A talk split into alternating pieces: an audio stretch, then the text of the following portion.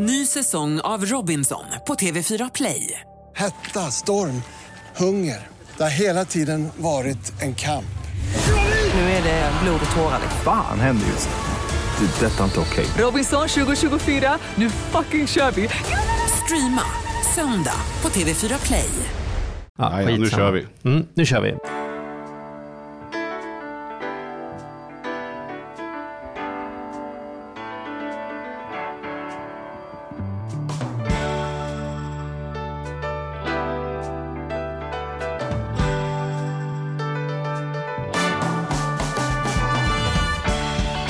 Hej och välkomna till Ekonomi på riktigt med Charlie och Mattias. Mhm.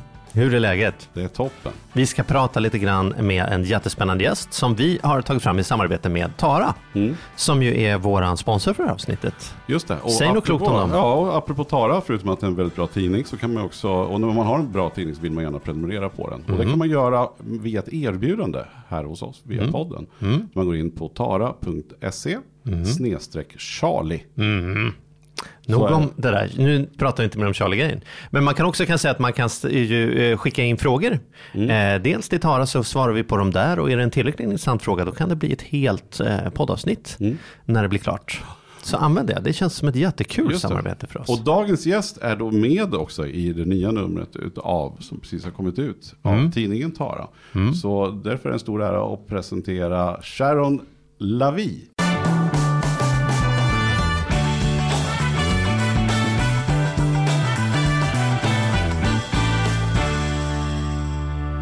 Hej! Hej!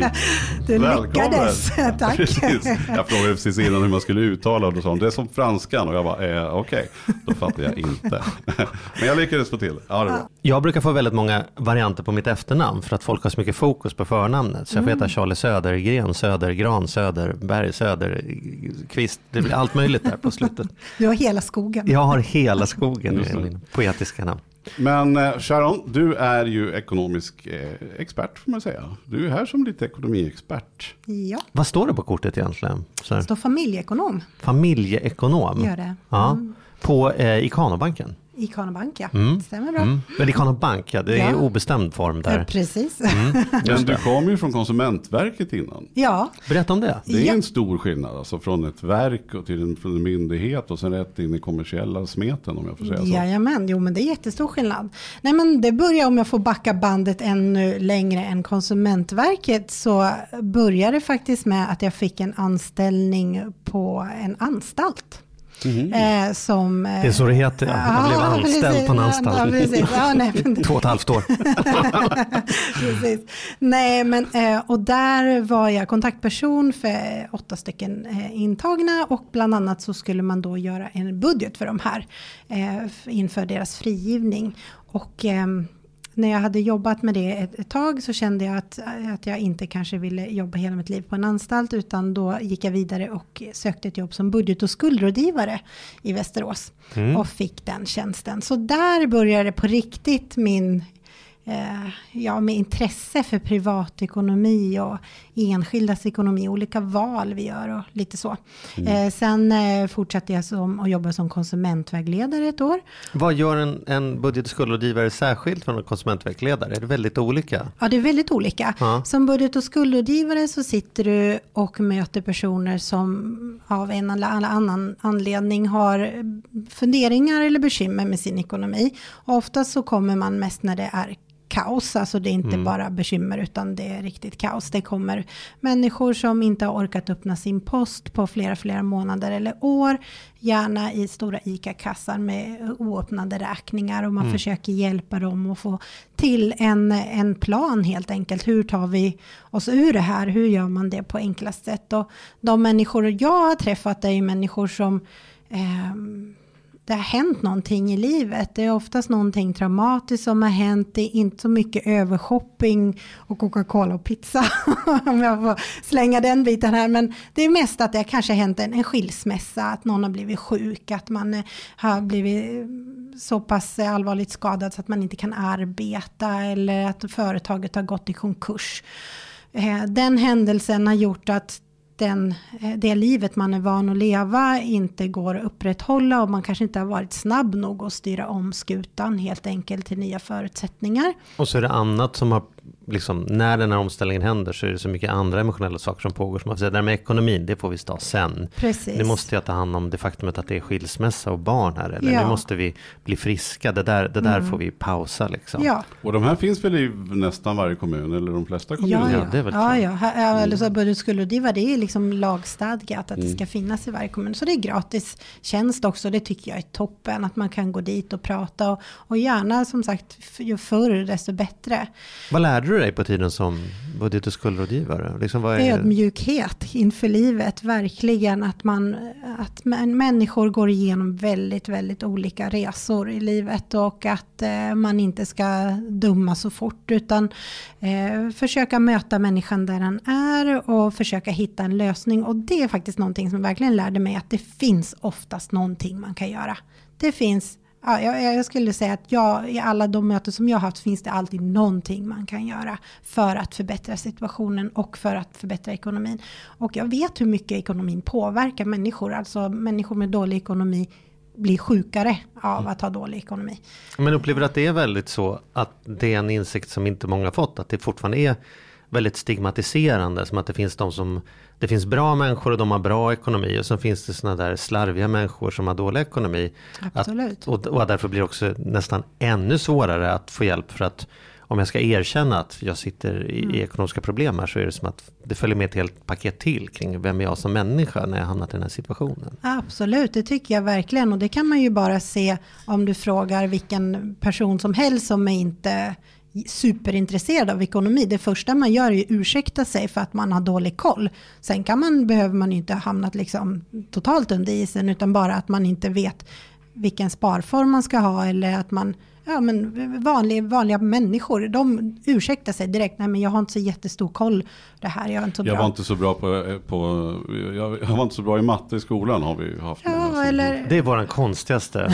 Det, det är liksom så här, ingen som är tjock säger så här, är så dålig på att räkna, det är så här, kilokalorier Ja, och precis. kilometer jogga. Det har inte jag klarat. Ekonomi, då är det tydligen helt okej att säga, Mm. nej men vet, jag är så dålig på matte så det där är inte min grej riktigt. Liksom. Det är ändå fascinerande. Mm. Ja, men jag, det, är, det har ju varit många situationer där jag suttit i där man kanske till och med undanhållit för familjemedlemmar hur det verkligen ser ut. Att man säger så här, ja, men jag behöver lösa det här utan att min fru eller man vet om det. Och det går ju oftast inte. Utan har man, är man två stycken i en relation så behöver man oftast jobba tillsammans för att det ska funka. Men vad, vad tror du det är tecken på då? Att man har en sån avgörande problemsituation och det som är fokus nummer ett är att inte ens de människorna man lever med ska... Nej, men man veta. skäms. Jag tror att det är väldigt, väldigt eh, stämpel över att man, att man är dålig, att man är slarver, att man har eh, ja, gjort någonting som man inte ska eller att man inte har koll. Eller, ibland kan det ju vara så, det kan ju vara spelproblematik eller vad som helst bakom det,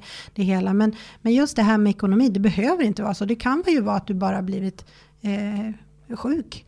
Men ändå så är det så, så skambelagt. Vad kan vi göra åt det då? Sean? Jag tänker, där är vi i samma båt, du och jag och Mattias på något sätt. Att hur, kan vi, hur kan vi bidra till att samhället blir mer, för det är tungt nog att göra förändringar i sitt liv i allmänhet, ekonomi i synnerhet. Om man dessutom ska lyfta från knäna skam och, och dölja dessutom, då, är det ju, då kan det ju verkligen bli övermäktigt. Ja. Vad kan vi göra för att Men minska jag, det där? jag, jag tror att det vi behöver göra är ju faktiskt prata om att det finns bra lösningar om man bara eh, söker liksom hjälp eller tar tag i det i tid.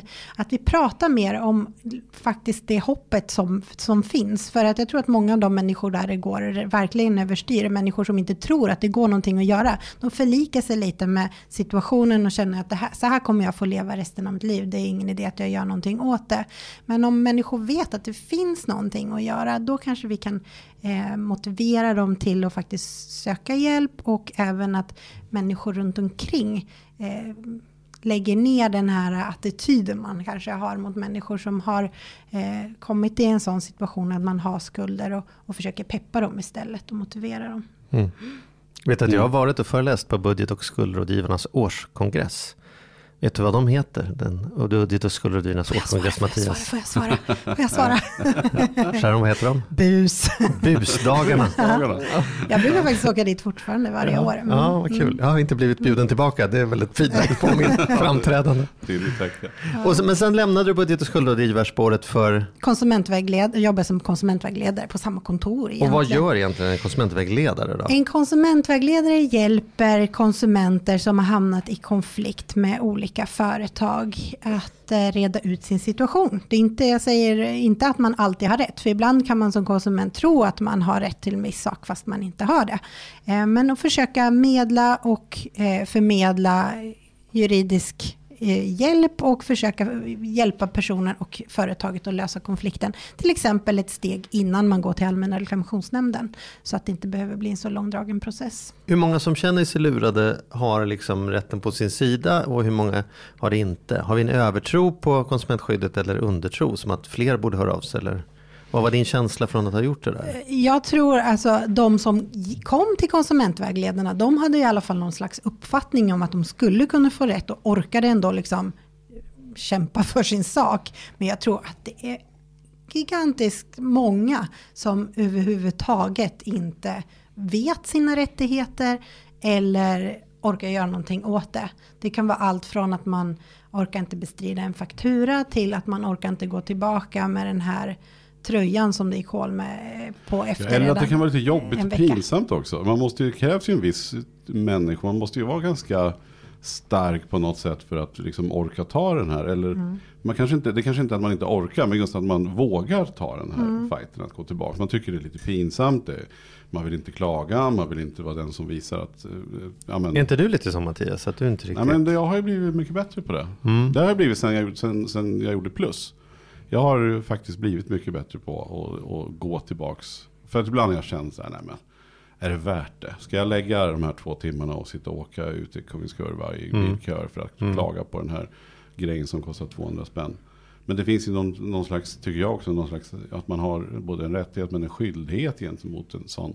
Om det är en skitprodukt till exempel. Man, borde, man ska sätta ner foten. Absolut. Eh, och det behöver inte handla om just som sagt att det är en förlust, en stor, stor affär som, som liksom att jag ekonomiskt måste göra det. Utan det kan ju mer vara det här att sådana här grejer ska kanske inte säljas på marknaden. Att man måste sätta ner foten. Mm. Man, man får göra någonting för att det gör, blir olönsamt att hålla på med sånt som inte är bra. Ja, och jag tycker oftare så just det här med, med konsumentköpslagen. Att jag tycker faktiskt att det är mycket grejer man köper som inte håller. Jeansen som, som eh, liksom trådar sig upp sig fast det inte ska. Eller kepsar som bleks eller vad det nu än är. Eh, som, liksom ganska dyra produkter. Klackar som inte håller och ja, men det Ja. kan vara allt möjligt. Och mobiltelefoner som går sönder. Jag har ju suttit med i Allmänna reklamationsnämnden som ledamot under många år. Och eh, man får ju höra det mesta. Men, eh, och det är inte alltid som konsumenten har, har rätt. Jag menar en, en sån här liten skitsak egentligen om man får säga det. Som många tror att man har rätt till det att lämna tillbaka saker på öppet köp. Och det är ju egentligen inte en laglig rätt utan det är ju upp till varje affär att bestämma eh, hur lång tid, eh, om de överhuvudtaget vill det och hur lång tid du har på dig och så. Men det är någonting som många tror att man har per automatik. Eh, å andra sidan så är det inte många som vet vad skillnaden mellan garanti och reklamationsrätt är. Och, och när man går tillbaka med sin pryl efter ett år och en månad och säger ja men eh, ja, vad nu kan, den här telefonen ska ju inte gå sönder efter så kort tid. Så här, men garantin har gått ut tyvärr och så är det många som liksom slår ner blicken och tycker att jaha, nej, det är väl bara att köpa en ny telefon då. Så vet man inte, men jag, jag går inte på garanti, jag går på min reklamationsrätt här. Och det är jätteviktigt att veta att man har tre års reklamationsrätt på det mesta som, som inte är förslitningsskador eller saker som du själv har orsakat. Nej men precis, de allra, allra flesta varorna går ju där under reklamationsrätten att en vara ska hålla i tre år generellt sett. Ja. Även om man köpt den på rea och även om det var en Ja. affär Precis. som inte var den flotta affären. Alltså, så här, det är- Men vi, man vill man rulla sig med i den här frågan så har vi faktiskt gjort ett helt avsnitt där vi bara urskiljer de här just begreppen från varandra. Så att det kan vi lägga en länk på Facebook-sidan tillbaka Mm. till den så Ja, kan man precis. Läsa på det där. Det finns ju väldigt mycket bra på nätet om det här. Om man söker Mm. reklamationsrätt eller man söker på konsument så får man ju upp väldigt mycket bra material idag faktiskt. Det jag är bra på när det gäller reklamationer det är att jag hänger kvar i leverantörsförhållandet. Där märker jag ofta när jag pratar med min fru och andra att man, de blir bortkollrade. Mm. Som jag har beställt någonting från en hantverkare och sen blir pryden och så säger han så här, ja vi får alltså, leverantören här mm. har, du vet, så här, och det är så här, men då är jag direkt så här, men jag har inget, jag har en leverantör, det är dig, jag har köpt en mm. toalett av dig. Var du har köpt toaletten i din tur och om det är rätt eller fel. Det har inte jag med att göra överhuvudtaget. Nej. Jag har köpt toalett av dig och nu funkar inte toaletten jag köpt av dig. Så jag vill ha en ny toalett från dig. Vad mm. du sen gör med det, det är ju inte mitt jobb. Men där går många ja, på och skyller vidare och blir som att helt plötsligt sitter jag och ringer runt till tre leverantörer för att höra restförda toaletter på, i, i Tyskland. Liksom så här.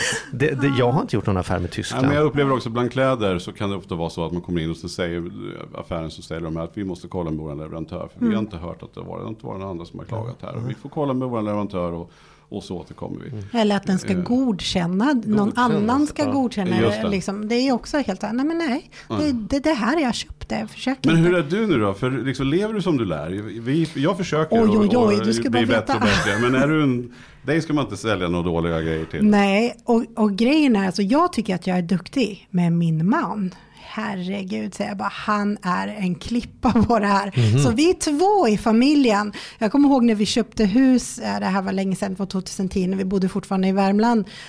Um, och vi hade en, en inspektör och en, han som besiktningsmannen där. och, och han, husleverantören, han darrade. Besiktningsmannen gick igenom. Nej, men, eh, man ska verkligen stå på sig och jag vet det handlar ju också om att kunna ha förtroendet, för man vill ju inte komma där med sin vara till affären, du har åkt hela den biten och så kommer du fram och så säger bara någon som avvispar dig och säger liksom dumförklarar dig, det är nog kanske det som gör att många inte orkar gå dit. Mm. Men verkligen stå på dig och säga så här, nej, du är faktiskt enligt lag eh, tvingad att ta emot den här och undersöka den. Du kan inte bara mota bort mig på en gång. Du måste kolla. Och jag menar, är det en, eh, ta ett mobiltelefon som exempel igen, men är det någon som säger, nej men den här är fuktskada, det kan man ju se på en gång. Eller det yttre åverkan, det är också en sån här klassiskt ord som man får höra. Ja, men att jag har tappat mobilen och spräckt, eller att jag har tappat någonting på skärmen och spräckt skärmen, betyder ju inte att all elektronik inuti nödvändigtvis måste vara sönder. Det behöver ju inte vara det. Mm. Så att man ska ja, stå på er, det är det som jag tycker är viktigt ändå, att ta fram den här lilla surtanten i er. Mm. Mm. Rekordet är min kompis Jill som lyckades klaga till Gott och blandat. Hon hade köpt en påse som inte tyckte var tillräckligt blandat. Det var väldigt mycket av samma. Och fick fyra påsar som, och en ur, skriven ursäkt från bolaget. Ja. ja. Nej, men ofta ja. så ska man se på sig. Det lönar sig att göra det. Och definitivt så Ja, men jag tycker det är viktigt också, rent utifrån ett privatekonomiskt liksom, perspektiv. Man tänker man har barn och, mm. och man köper väldigt mycket kläder under en period. Och då är det också en sån här definitionsfråga. Då, så här, ja, vi köpte nya vantar nu liksom till vintern och sen mm. så går de sönder. Och så mm. säger de att ja, fast barnen har ju lekt, det är inte så konstigt. Det är någon gunga som har rivit sönder dem. Men de ska ju hålla för att leka utomhus. Precis. Det, tror jag, och det är ju enorma summor pengar som, som många lägger. Jättemycket. Eh, och som du säger, klackar eller vad det nu kan vara. Mm. Som, som, som Ja, det är viktigt. Ja, det var det vi tänkte att vi skulle, vi för oss ju in mot det som vi tänker att vi ska vara kärnfrågan här, så är ju det här med, apropå de här små sakerna som när man lägger ihop dem blir stora. Mm. Det är väl klart att 19 kronor på ett par barnvantar inte är någonting, men Nej. man tar det gånger sex vant, par vantar ja, på en säsong, gånger 20 vantar. 19 kronor kan jag Nej, jag vet, men ja, bra.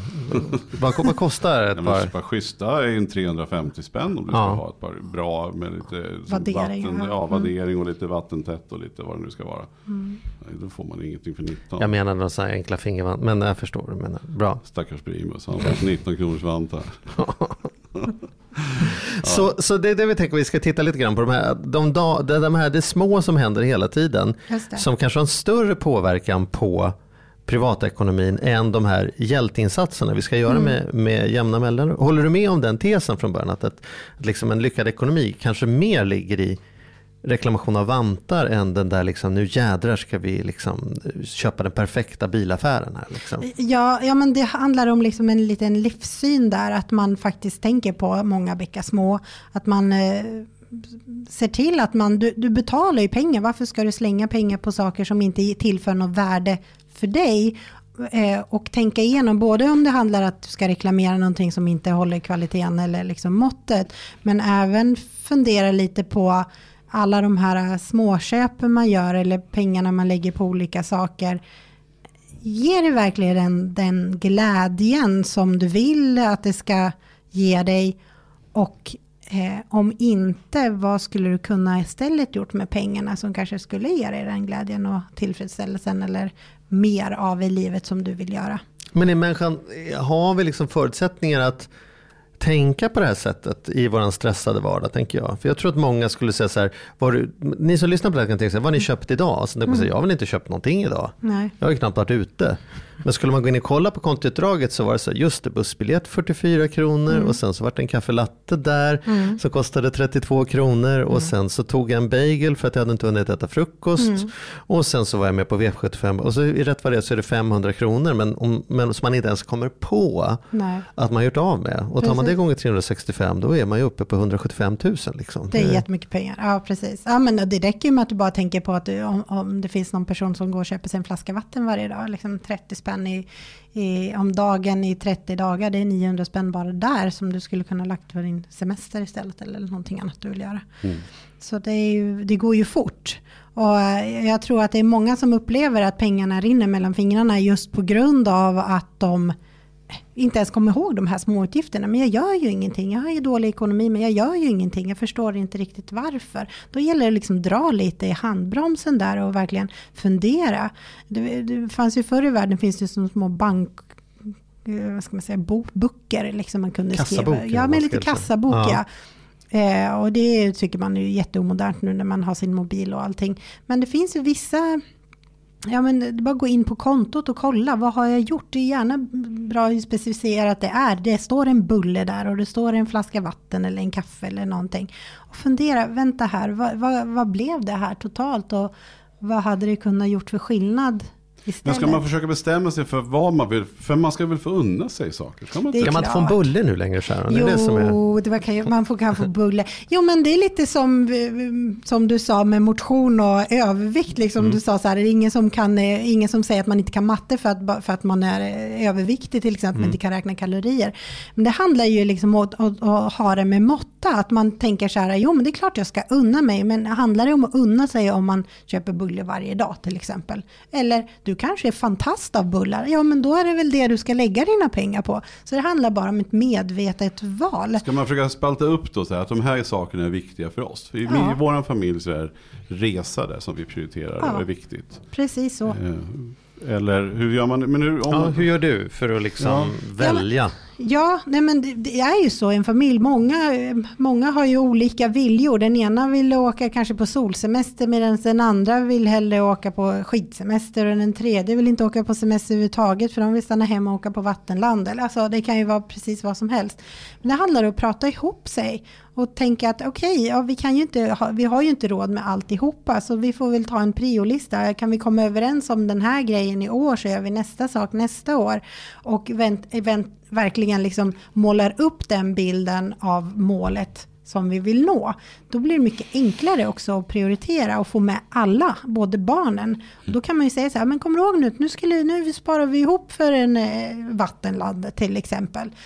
Då, då skippar vi bullar idag, då tar vi de här 20 kronorna och lägger dem i, i våran spargris hemma istället. Då har vi det, lagt det åt sidan. Det blir väldigt konkret om man har små barn. Det finns ju en sån gammal sanning med att man slutar inte med en vana utan man börjar med en ny. Liksom. Precis. Och det är det du säger, att varje gång man mm. blir bullsugen då ska man swisha 25 kronor till sitt vattenlandskonto istället ja. för att verkligen vara konkret med nu, nu, nu, nu gjorde, nu, är det, är det, kan man tänka så? Eller det är det över, överdrivet? Eller? Nej, men det, så kan man absolut tänka. För då har du ju verkligen gjort så här, men då känns det lite bättre att avstå den där bullen tror jag. Mm. Uh, om du vet att du faktiskt går åt någonting som du verkligen har längtat efter. Är det någon som har gjort den här felparkerat bilen och så kommer man tillbaka och inte fått en böter och känner så här, tjänar 850 spänn?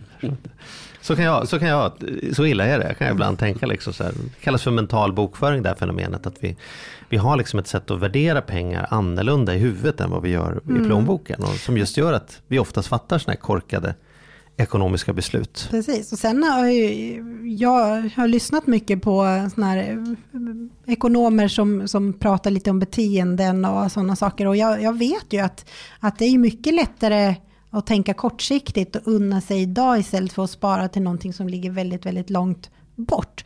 Men därför tycker jag att det är smartast egentligen att, att det här målet man sparar till ska vara så konkret som möjligt. Så prata om det, måla om det, googla om det, ta fram bilder, gör en plansch, skriv om det på kylskåpet, alltså vad som helst för att det ska hela tiden vara framför ögonen och till slut så har du liksom inpräntat in det i dina hjärnbanor att det är det här pengarna ska gå till och då blir det mycket enklare att liksom, eh, avstå från andra saker. Men det, det, det handlar ju inte bara om bullen, liksom. det handlar ju lite om, det beror på hur stora förändringar förändringar man vill göra eller hur mycket pengar man måste lägga undan. Som du sa det här med bussbiljett, jag menar kan man ta cykeln eh, då kan det bli med väldigt mycket pengar också. Det blir en lite annan livsstil helt enkelt. Men behöver man skrapa ihop mycket pengar på kort tid så är det kanske lite större sådana förändringar som man behöver göra.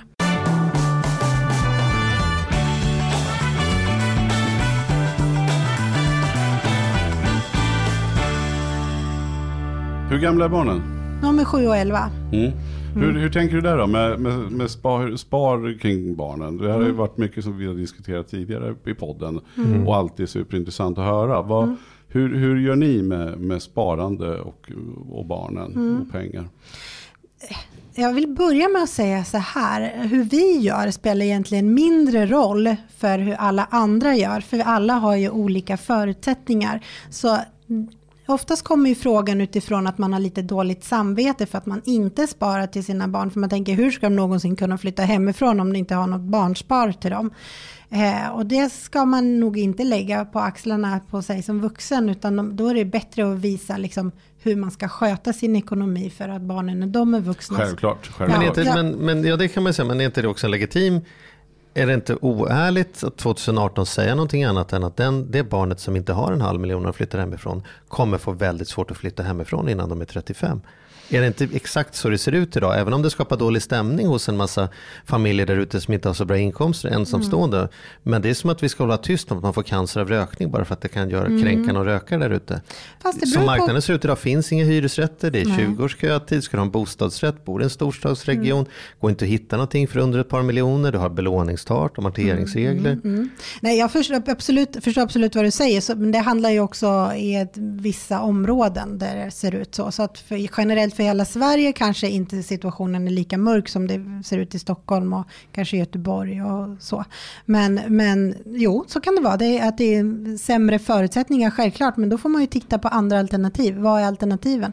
Alternativen är barnen, alltså ställa barnen i, i bostadskö eller så fort det bara går och eh, försöka att eh, motivera barnen till att börja arbeta extra redan när de går på gymnasiet eller på helger eller någonting, att man har ett ekonomiskt tänkande. Kanske förlika sig med att man får dela på en lägenhet som många gör utomlands när man är 18 år, 19 år och vill flytta hemifrån.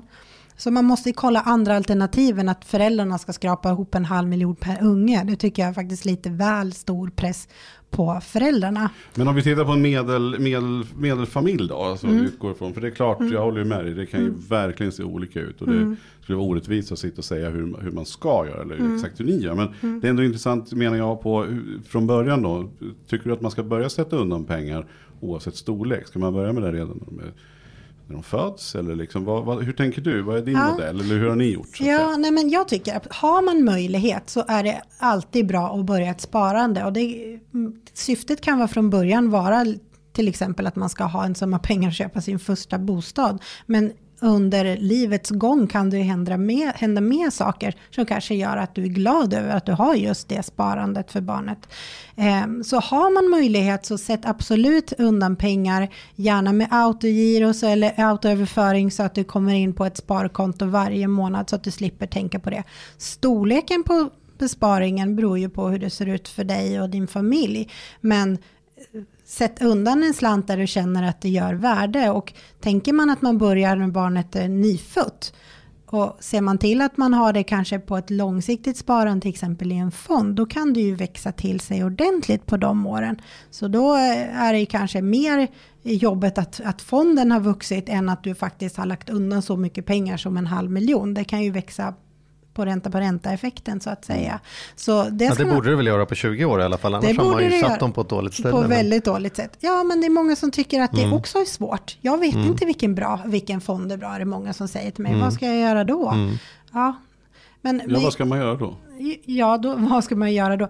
Nej, men jag tycker att man, har man ingen susning om fonder överhuvudtaget, så ska man börja i alla fall läsa lite grann, lite intressera sig. Det finns ju de generella och med breda penseln kan man säga att ska du ha ett fondsparande, försök, och du är inte intresserad överhuvudtaget, försök att först och främst hitta en fond som är väldigt billig, alltså det inte kostar dig massa avgifter och se till att du har så bred och global fond som möjligt, alltså så att du är exponerad mot massa olika marknader och massa olika länder.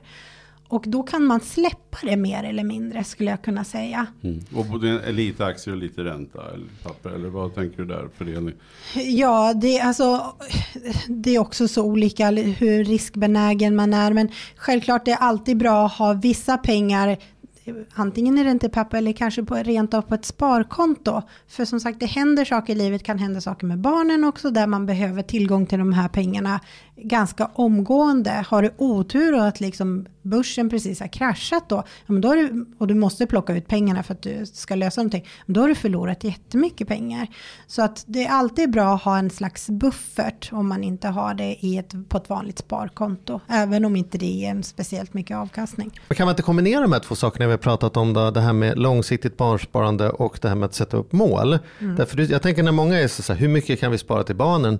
Då tror jag många är så här, typ inget, alltså det går ju typ plus minus noll mm. som vi har idag. Det har mm. inte blivit några pengar upp på kontona. Mm. Och så kan man bestämma sig för, vi ska sätta av 100 kronor i månaden eller hela barnbidraget eller, eller mm. whatever. Och sen mm. så har det där mötet, okej, okay, vad behöver vi göra nu i de små utgifterna för att det där ska gå utan att vi känner att vi lever ett så mycket fattigare liv? Vad är det vi kan Precis. minska ner på? Så, så mm. kör vi månadskort istället för bussbiljett, vi kör en kaffeautomat hemma med kapslar mm. istället för kaffelatte på stan, vi tar med oss gröt istället för att hålla på och köpa lunch. Alltså här, mm. Tills man har tagit, skalat bort, inte det där som är viktigt, utan det där som är lite oviktigt. Ja. Håller inte du med mig om att det där barnsparandet i ett sånt lyxigt land som Sverige, man ska inte dra alla över en kam, men de absolut flesta, inte alla, men de flesta som lyssnar på detta i alla fall, mm. har ju möjlighet att göra ett ganska ordentligt barnsparande om man bara tittar efter. Vad är de här många bäckarna små som bara liksom, jag på ett år inte kan säga att jag verkligen, verkligen fått värde för, utan mm. mer eller mindre bara snubblade på som vi som tv-abonnemang. man har mm. Netflix och HBO och vi har satt, har inte vi, vi har en i taget. Så, liksom, så suger vi ut HBO och nu är det, nu Game of Thrones är klart. Liksom. Då har vi lyft över så vi kan se liksom, Man in High Castle och sen så avslutar vi det och tar man nästa.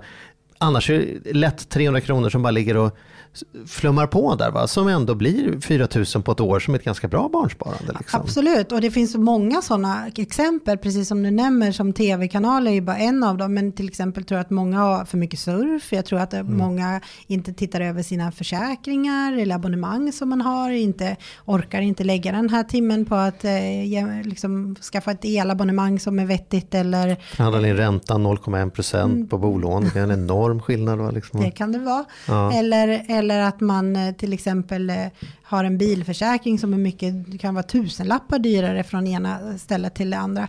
Men då är det väl bättre, om man nu kommer på att nej, men nu ska vi göra den här förändringen. Då är det viktigt också att man för över de pengarna som man fick över så att säga till det där sparkontot och inte bara låta det ligga och skvalpa kvar på, på lönekontot och så hamnar det liksom i den svarta hålet liksom mm. som bara konsumeras upp. Men självklart, en sån kombo är det absolut bästa du kan göra. Och, och sitta ner och, och säga så okej, okay, det, här, det här vill vi. Och ett barnspar är ju absolut så här, en, det här vill vi. Det finns många sådana saker dock, så att jag har lite ödmjukhet inför familjer. För att det, man vill ju både ha ett barnsparande, så vill man ha så gärna en pensionssparande, så vill man gärna ha en semester och man kanske vill ha en, eh, vissa områden i alla fall behöver en bil. Liksom. Och då får man ju liksom fördela det och tänker så här, hur mycket kan jag dra in på det andra för att vi ska ha råd? Hur ska man göra med ekonomin då tycker du? Tycker du man ska ha delad eller gemensam ekonomi? Ja, det beror, på vilken ja, det beror på vilken relation man lever i. Jag tycker att... Eh, jag och Mattias till exempel, borde vi ha Ja, ni bor ihop, ja, precis. ni ska definitivt ha eh, delad ekonomi ja. skulle jag säga. Nej men jag tror att, eh, jag tror att i, i moderna familjer så börjar det mer och mer närma sig att man har eh, gemensam ekonomi men med delade, eh, ja, delade liksom, eh, separata konton för vissa grejer. Eh, för att eh, ha ett gemensamt konto för alla, ja, men alla utgifter och alla behov som eh, hyra eller lån eller vad det nu än kan vara. Det är en sak och därifrån ska det även gå till sparande, till semester och allting. Men det är också viktigt att man eh, Eh, kan ha en liten summa där man får bestämma över lite själv. Att man har en summa som man inte behöver skämmas för om man vill gå och köpa piprensare för, för alla pengarna eller köpa skor eller vad det nu än kan vara. Så att eh, det finns en mått av att ja, men det här är jag, det här är mitt intresse och det här vill jag lägga de här pengarna på. Då behöver man inte smussla in sina piprensare hem. Men om det skiljer väldigt vara. mycket på inkomst då tänker jag. Om, ja. om, om vi säger att du, men nu förstår jag att du tjänar bra med pengar, mm. men låt oss säga att, att Ja, du tjänar bra, men din man tjänar hälften av vad du mm. tjänar. Han jobbar som förskollärare, dessutom ja. bara 80% för han tar hand om barnen på mm. eftermiddagarna. Mm. Hur gör ni med de där? Ska ni ha, är det proportionerligt då? Eller delar man upp så man har lika mycket var då, mm. tycker du? Eller? Jag, jag tycker, i, i vårt förhållande, där vi är då gifta och två gemensamma barn, så tycker jag att eh, man ska göra så att man har lika mycket kvar. Så att vi har lika mycket att röra oss med. Och det innebär ju att jag får betala mer än vad han får betala. Eller egentligen handlar det om att vi föser in allting i en pott och sen så spara, liksom vi lämnar kvar. Just det, in med allt i en pott, bort med hyra, räkningar och de här och sen så har man och sen bort med varsin liten bit. En, en liten bit var. Som ja, som är lika stor. Det tycker jag är schysst. Ja, om man har levt länge med varandra och känner sig trygga om man har familj. Liksom, då ska man ju ha samma förutsättningar. För det där kan svänga. Om två år så kanske han är chef över dagis och tjänar mycket mer än mig. Liksom. Mm. Mm. Om det nu skulle vara så. Mm. Men det, tyck, det känns rätt för oss. Mm. Medan det finns kanske andra som det känns mer rätt att köra den här proportioneringsprincipen att den som tjänar 80 eh, eller 8 gånger mer än den andra liksom föser in 8 gånger mer till, till kontot också där man betalar räkningarna.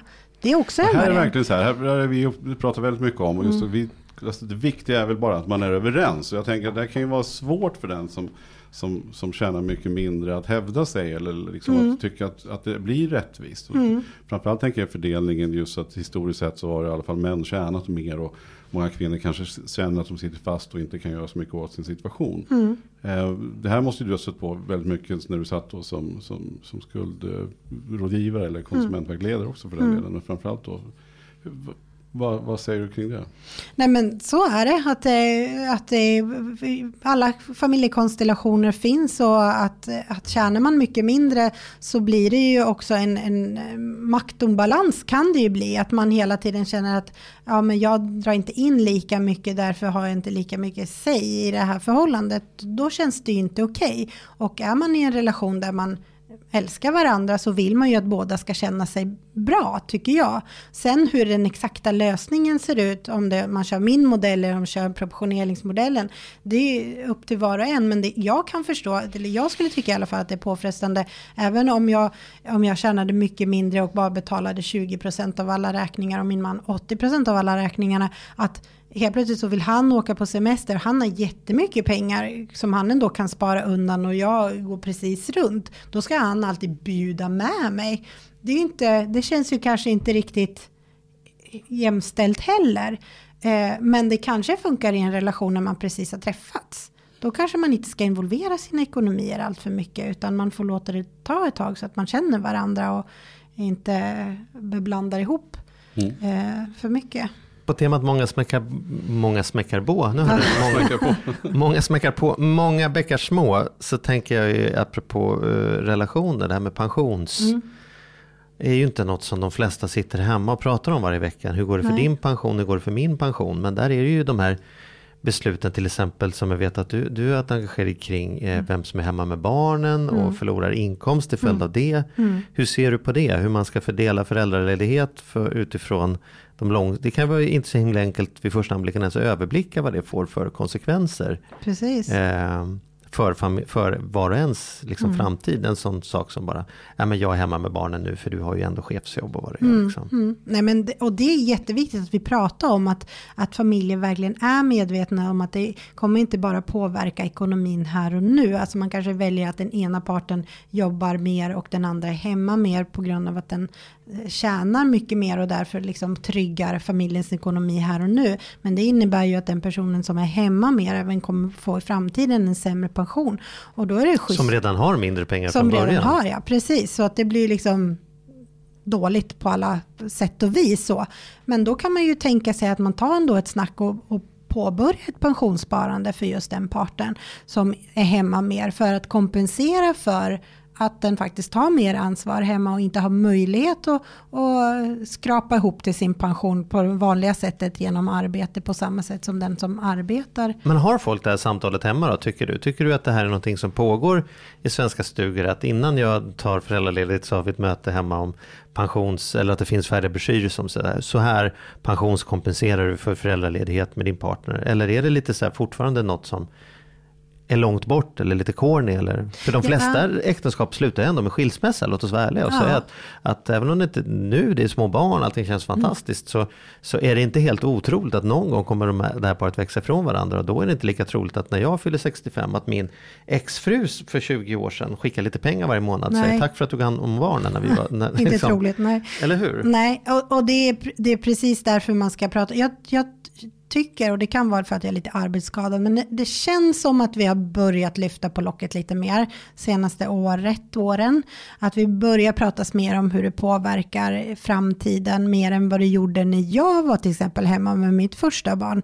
Jag hade inte en susning om det här, om jag ska vara helt Jag hade inte en tanke på det, utan jag tänkte mer, ja men nu är det min man som tjänar mer och, och då är det bättre att jag är hemma lite mer för att vi hade precis nybyggt hus och liksom det, det vi gjorde för att det skulle gå runt.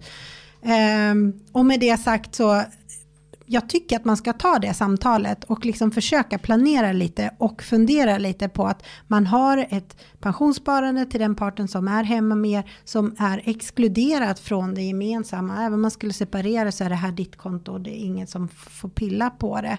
Just för att det inte ska hamna i en situation i framtiden där du blir fattigpensionär och din maka då eh, kan utnyttja den situationen att hon faktiskt har kunnat jobba mycket mer än dig.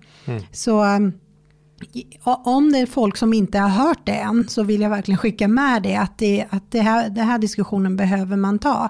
Samtidigt vill jag säga att jag förstår ändå att eh, olika familjer ändå tar det beslutet att man är hemma olika länge för att det finns andra saker som ja, helt enkelt påverkar familjen just här och nu och det är det beslutet vi behöver ta. Och det är fine, men försök att säkra upp då på andra sätt så att den partner som är hemma får får det hyfsat ändå. Eller i alla fall bättre än om man inte skulle gjort någonting. Ja, och vi känner ju också så här att, att det brukar ju alltid löna sig. Min, alltså, min erfarenhet genom alla år som ekonomisk rådgivare också är ju att, att, att är man generös så brukar det vara det som lönar sig bäst. Våga vara generös mot varandra.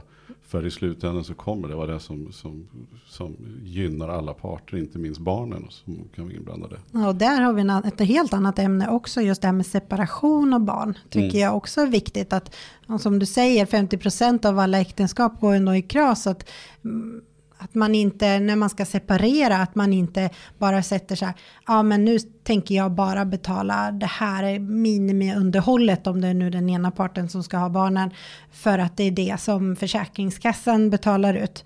Nej, men man ska ju se till barnets bästa. Det är ju ändå dina barn oavsett var de bor någonstans. Se över det. Var generös mot barnet i vart fall och även mot varandra såklart. Men eh, så att man ser till att barnet får det bästa och inte att förälder, ena föräldern kan leva i hur ekonomisk frihet som helst och så får barnet eh, bara minimum för att man är osams med, med Precis, och här ska vi också tipsa om ett program som vi hade tidigare som också var till en koppling med Tara. Som vi hade, när vi hade Klara Herngren i podden. Vi pratade väldigt mycket om bonusfamiljer och separationer och allt det här. Så att, eh, har ni inte Ja, lyssnat på det så gå tillbaka och lyssna. Ja. I, och ni hittar oss då på Ekonomi på riktigt med Charlie och Mattias. Där, och podden finns där poddar finns. Det lär man ju ha listat ut, annars hör man ju inte detta som Exakt. vi säger exakt just nu. Nej men jag att, tänker om eh, man vill gå tillbaka och söka. Ja, ja, ja. Och sen Bra. så eh, kan man också gå via tara.se. Ja, absolut. Jean, hur, hur rundar vi ihop den här många bäckar små konversationen? Skulle du kunna ge oss här, några handfasta tips för att Fokusera sin ekonomi på det man själv tycker är viktigt och kanske styra bort från det här som Mm. mest bara, oj hoppsan, vart tog pengarna vägen? Ja, jag skulle börja med att eh, sätta mig ner, gärna om man är i relation med den andra partnern också, i första hand två vuxna i vart fall, innan man blandar in barnen, och skriva ner en lista, vad är det som är viktigt för oss? Är det goda ostar, är det att resa, är det vardagslyx, är det liksom speciella upptäcktsfärder? Vad, vad det nu än är, det har jag inga synpunkter, men liksom skriv ner det vad, vad, så att ni får det verkligen tydligt. För då blir det väldigt, väldigt mycket enklare att kunna prioritera det andra. Eh, och sen även kommunicera det till, om man har barn då, att det är det här vi, nu kommer vi fokusera på det här, det är det här som vår familj trivs bäst med, det är det här vi kommer satsa på. Och därför kommer vi skala av på andra saker. Och sen nummer två, gå in och kolla, vad är det de här små dropparna liksom pyser ut någonstans, vad är det man lägger pengar någonstans som inte ger det värde. Och det kan vara allt från tv-kanaler och det kan vara allt från surf och det kan vara eh, att man lägger pengar på Candy Crush, jag vet inte. Det är allt möjligt, eller att man, eh, man har kanske en par gymkort som man inte använder. Allt sånt där, försök att stryka. Vad skulle inte jag överhuvudtaget märka ens om jag strök? Printa ut kontoutdragen Ja, faktiskt. och precis. sätta med pennan och stryka över på saker som är... Det här behöver jag inte. Nej, ja. precis. Och så tredje tipset är faktiskt försök att se om du har mycket abonnemang eh, och försäkringar och sådana saker. Börja förhandla. Se över om du kan få exakt samma erbjudande för en billigare peng. Varför ska du betala för någonting i onödan? Jag brukar säga det är inte så att den ena elen är rosa och den andra är vit utan det är exakt samma el. Och om någon kan ge dig ett erbjudande som är bättre så hoppa på det. Och så fjärde just det här med reklamera det är du som ska bli arg om någonting går sönder och inte håller kvaliteten. Du ska inte skämmas för att gå tillbaka med det, utan du ska ju kräva din rätt. Du har rätt att få en produkt som du faktiskt har betalat för. Du har tjänat in pengarna, du har skattat pengarna och nu lägger du på någonting som inte håller värdet. Så att det ska du ha rätt att få åtgärdat. Snyggt! Mm. Det tycker jag var väldigt kloka slutord. Härligt. Tack så mycket Sharon för att du kom. Ja, tack själva. Tack! Tack.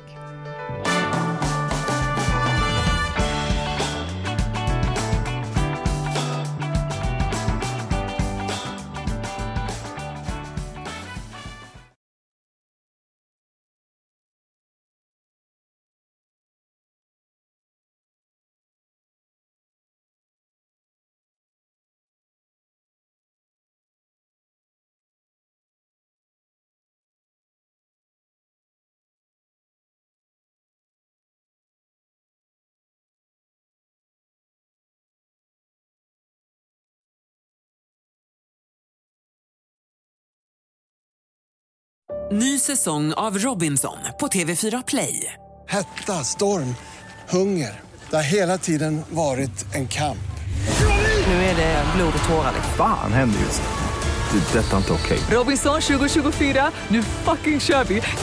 Streama söndag på TV4 Play.